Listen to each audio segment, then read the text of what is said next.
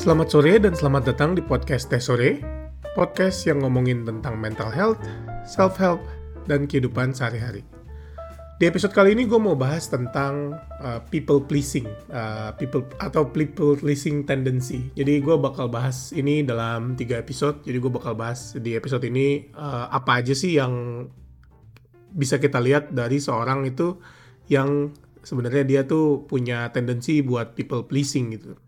Sebenarnya pertama apa sih uh, itu uh, people pleaser itu apa sih? People pleaser itu sebenarnya uh, kayak orang yang berusaha keras untuk menyenangkan orang lain lah uh, simpelnya. Tapi bedanya dengan uh, apa ya hero personality gitu kayak yang lu lihat di film Marvel atau di anime-anime gitu yang berkorban untuk orang lain adalah si untuk hero-hero hero personality ini mereka melakukan itu untuk orang lain karena mereka merasa itu hal yang benar karena mereka merasa itu hal yang membuat mereka senang gitu. Tapi orang-orang yang punya people pleasing tendency selain itu membuat mem, itu adalah membantu orang lain adalah hal yang membuat mereka senang.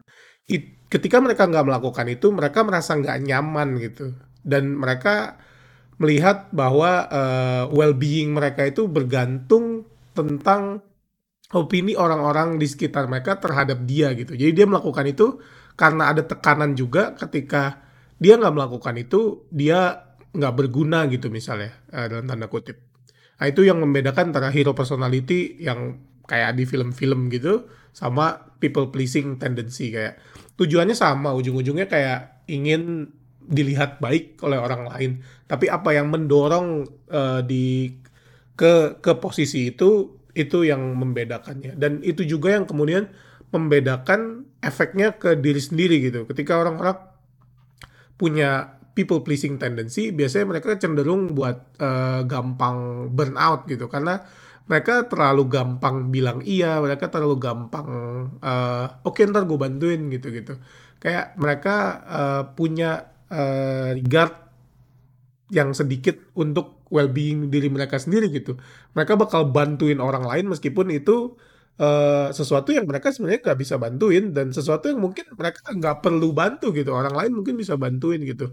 Kayak lu nggak perlu dibantuin Superman kan buat pindahan gitu misalnya. Kan orang lain juga bisa gitu. Tapi kalau misalnya Superman punya people pleasing tendency dia bakal bantuin semua orang apa pun itu masalahnya si Superman Supermannya jadi nggak punya kehidupan sendiri si Supermannya jadi sibuk bantuin orang-orang yang sebenarnya nggak perlu dia bantuin gitu ini contohnya gitu.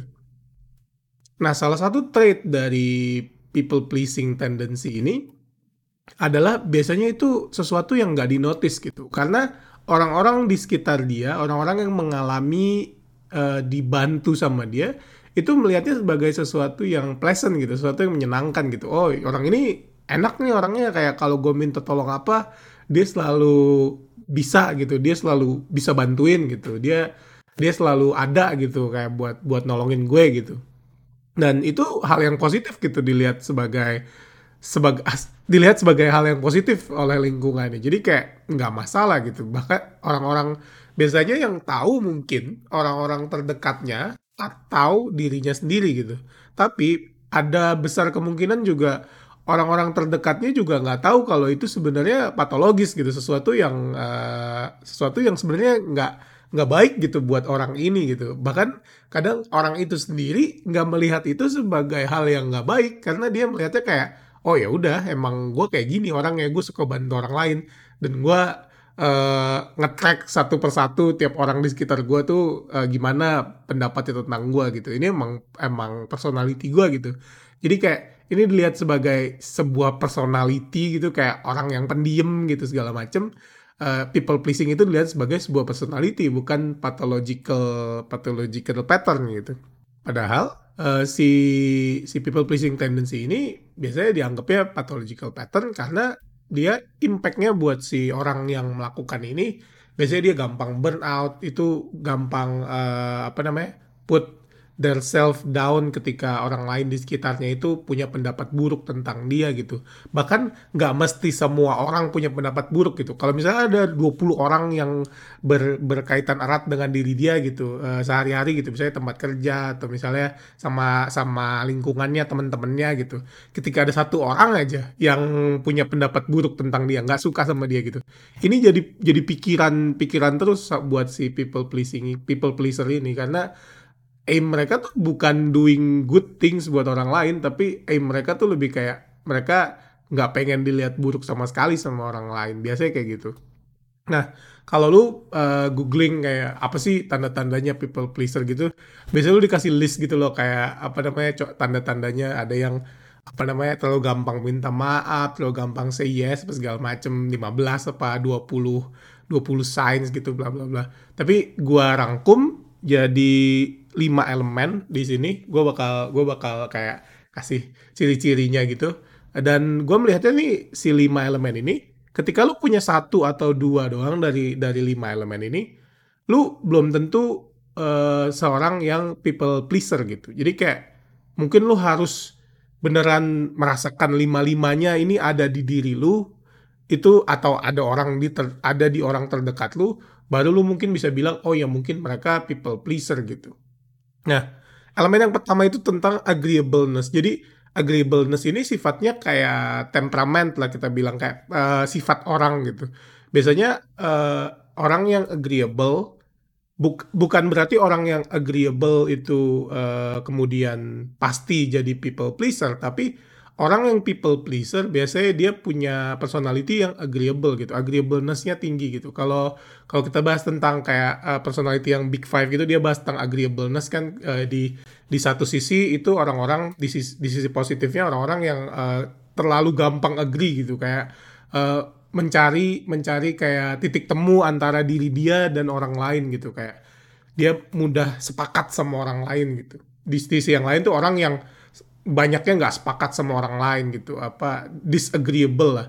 Dan ketika orang dia itu agreeableness-nya tinggi kayak dia gampang sepakat sama orang kemungkinan besar dia punya potensi buat jadi people pleaser. Itu kayak elemen pertama yang bisa activate seseorang buat jadi jadi people pleaser. Makanya manifestasinya si agreeableness ini jadi kayak uh, gampang bilang yes, nggak enakan sama orang lain, terus kayak uh, gampang gampang minta maaf kayak biar kita setuju lah yaudah gue minta maaf deh emang gue yang salah gitu. Gampang akuin kesalahan itu tadi kan kayak jadi ini elemen-elemen yang muncul dari orang-orang yang agreeable biasanya. Nah elemen keduanya itu tentang uh, seberapa sensitif orang terhadap uh, perasaan orang-orang di sekitarnya gitu. Jadi ini tuh juga sifatnya kayak personality atau temperament gitu kayak gimana seseorang tuh bisa uh, misalnya em empati gitu level empati dia sama orang-orang di sekitarnya. Tapi pada level di mana dia itu kayak ngetrack uh, satu persatu orang-orang di sekitarnya tuh gimana pendapatnya tentang dia gimana uh, uh, gimana dia bisa membantu orang-orang ini gitu. Kayak dia beneran satu persatu dia lihat kayak dia secara nggak sadar gitu kadang kayak oh orang ini lagi capek gua gua gua bantuin lah kerjaannya. Atau kayak oh orang ini kayaknya bakal marah nih sama gua nih gua gua baik-baikin lah sama dia. Oh, orang ini kayaknya uh, lagi sedih nih gua gua coba ambil kerjaan dia lah atau apa gitu. Bisa di kerjaan ini konteksnya. Kayak ini salah satu tendensi juga yang membuat orang tuh jadi people pleaser gitu. Jadi kayak dia pengen uh, di di kepala dia itu dia di, di, di udah udah membentuk uh, ide bahwa dia adalah orang yang responsibel untuk perasaan semua orang di sekitarnya gitu. Padahal ini kan sesuatu yang nggak make sense gitu. Kayak sebenarnya setiap orang itu responsibel buat perasaan atau uh, feeling mereka masing-masing gitu. Nggak perlu ada orang lain yang came in terus kayak oh ya gue take care lu, gue take care kebutuhan lu, gue take care uh, lu, lu lu pengen marah sama gue, ya gue tahu gue salah gitu apa segala macem kayak gitu. Jadi kayak apa orang-orang yang punya tendensi buat buat ngetrack semua perasaan orang yang ada di sekitar dia ini kemungkinan besar jadi people pleaser. Jadi kayak dia juga bakal punya anxiety kayak misalnya melihat orang lain itu misalnya ada tadi yang satu orang gak suka sama dia dia melihat ini sebagai kayak calamity gitu buat dia kayak ini sebuah masalah besar buat dia gitu. Padahal ada orang di sekitar dia mungkin ada 19 orang lain yang fine fine aja sama dia. Tapi kan ada satu orang ini yang nggak suka biasanya eh, nggak uh, suka sama dia itu ruin their whole uh, existence lah bisa dibilang gitu lebaynya nah yang ketiga uh, setelah setelah sensitive to others biasanya lack of boundary lack of boundary jadi uh, biasanya kan kita punya punya dua konsep of boundary ya boundary of others boundary of ourselves kalau boundary of others itu kan lebih kayak lu lu menghormati batas-batas yang bisa lu lakukan, yang bisa lu katakan ke orang lain gitu. Kayak misalnya ada orang yang uh, curhat sama lu terus kayak ngomongin tentang keluarganya gitu. Lu hormati boundary dia, lu hormati seberapa banyak lu bisa kasih saran ke dia kayak uh, hal-hal kayak gitulah. Itu kayak boundary of others. Dan gimana seseorang menghormati boundary of others itu nggak nggak kadang nggak ada hubungannya sama gimana seseorang menghormati boundary dirinya sendiri gitu. Maksudnya menghormati boundary dirinya sendiri itu lebih kayak gimana seseorang tuh ketika di diberi saran atau misalnya ketika dimintai tolong oleh orang lain bisa melihat mana batas yang dia tuh sebenarnya masih bisa bantu atau mana batas di mana dia masih bisa dengerin saran itu buat dirinya sendiri gitu. Karena nggak semua hal yang orang lain minta ke seseorang ke kita gitu nggak semua hal yang orang lain minta ke kita itu bisa kita penuhi gitu. Karena ada level di mana sesuatu itu udah beneran di luar dari batas yang kita bisa bantu gitu. Kayak misalnya lu punya teman kantor gitu. Terus kayak dia minta tolong sesuatu kayak eh gue mau pindahan weekend ini gue nggak punya mobil bisa bantuin nggak terus kayak lu padahal weekend itu tuh udah punya plan lu sendiri gitu. Atau misalnya lu punya plan yang kayak pen, lumayan penting gitu buat diri lu gitu. Kayak lu spend waktu sama keluarga gitu misalnya itu something gitu. Kayak sesuatu yang udah lu plan jauh-jauh hari tapi karena lu nggak enakan lu people pleaser lu jadi kayak nggak tahu boundary di mana lu bisa bilang enggak gitu. Jadi kayak oh iya ya ntar gue bantuin gitu. Karena lu pikirnya kayak kasihan ntar dia nggak ada yang bantuin kasihan dia minta tolongnya ke gua doang. Gua satu-satu orang yang bisa dia bisa dia ini gitu bisa dia bisa diandelin gitu. Lu bahkan nggak sempet bilang ke dia oh iya gua uh, minggu ini mah gua ada ini sama keluarga gua ada acara sama keluarga gua. Kalau mau minggu depan gimana? Kalau kalau kalau orang yang normal yang maksudnya nggak nggak punya tendensi buat people pleasing dia kayak masih melihat uh, dirinya sendiri itu penting gitu. Dan ini masuk ke ciri-ciri keempat itu tentang low self esteem gitu. Kayak tadi kan kayak dia uh, karena dia karena dia melihat bahwa diri dia itu nggak penting diri dia itu uh, kebutuhan dia itu nggak penting. Jadi dia nggak melihat ada rasa butuh buat take care of him of him or herself gitu. Dia lebih memilih buat ya mendahulukan kebutuhan orang lain gitu dibanding dirinya sendiri gitu jadi kayak kalau kita melihat dari yang kayak contoh di episode lalu gue bahas tentang empat kuadran itu ya kayak positive view of self sama negative view of self, terus positive view of others, negative view of others. Low self team ini masuk ke yang negative view of self dan positive view of others gitu.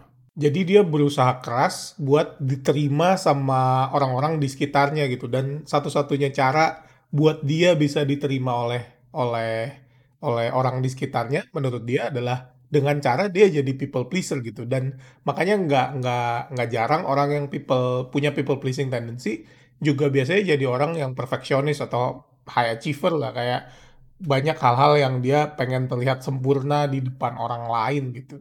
Kemudian elemen kelima adalah tentang uh, avoidance. Jadi orang-orang yang punya people pleasing tendency biasanya itu sangat-sangat uh, benci bukan benci sangat-sangat nggak suka konflik.